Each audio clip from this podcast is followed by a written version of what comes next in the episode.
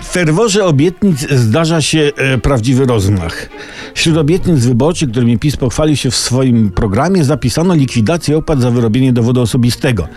Świetne posunięcie, tyle że ta obietnica jest nieco nieaktualna. Mm, Może nawet mocno nieaktualna, a w zasadzie zupełnie nieaktualna, gdyż opłaty to zlikwidowano 10 lat temu.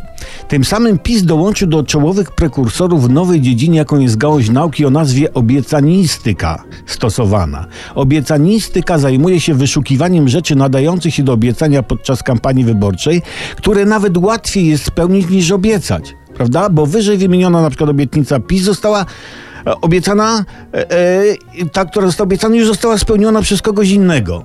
Ale słuchajcie, nie ma zmartwienia, można opłatę za wyrobienie dowodów wprowadzić na nowo, a później ją znieść i będzie. I obietnica spełniona i to jest dobry trop. Obiecać coś, co już jest.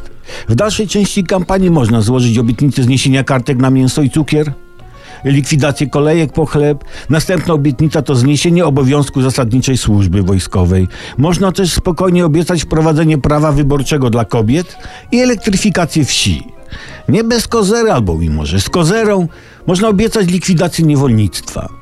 Bo likwidację analfabetyzmu wśród polityków wymyślających obietnice już ciężko obiecać, bo no tej obietnicy to już na 100% nie da się spełnić.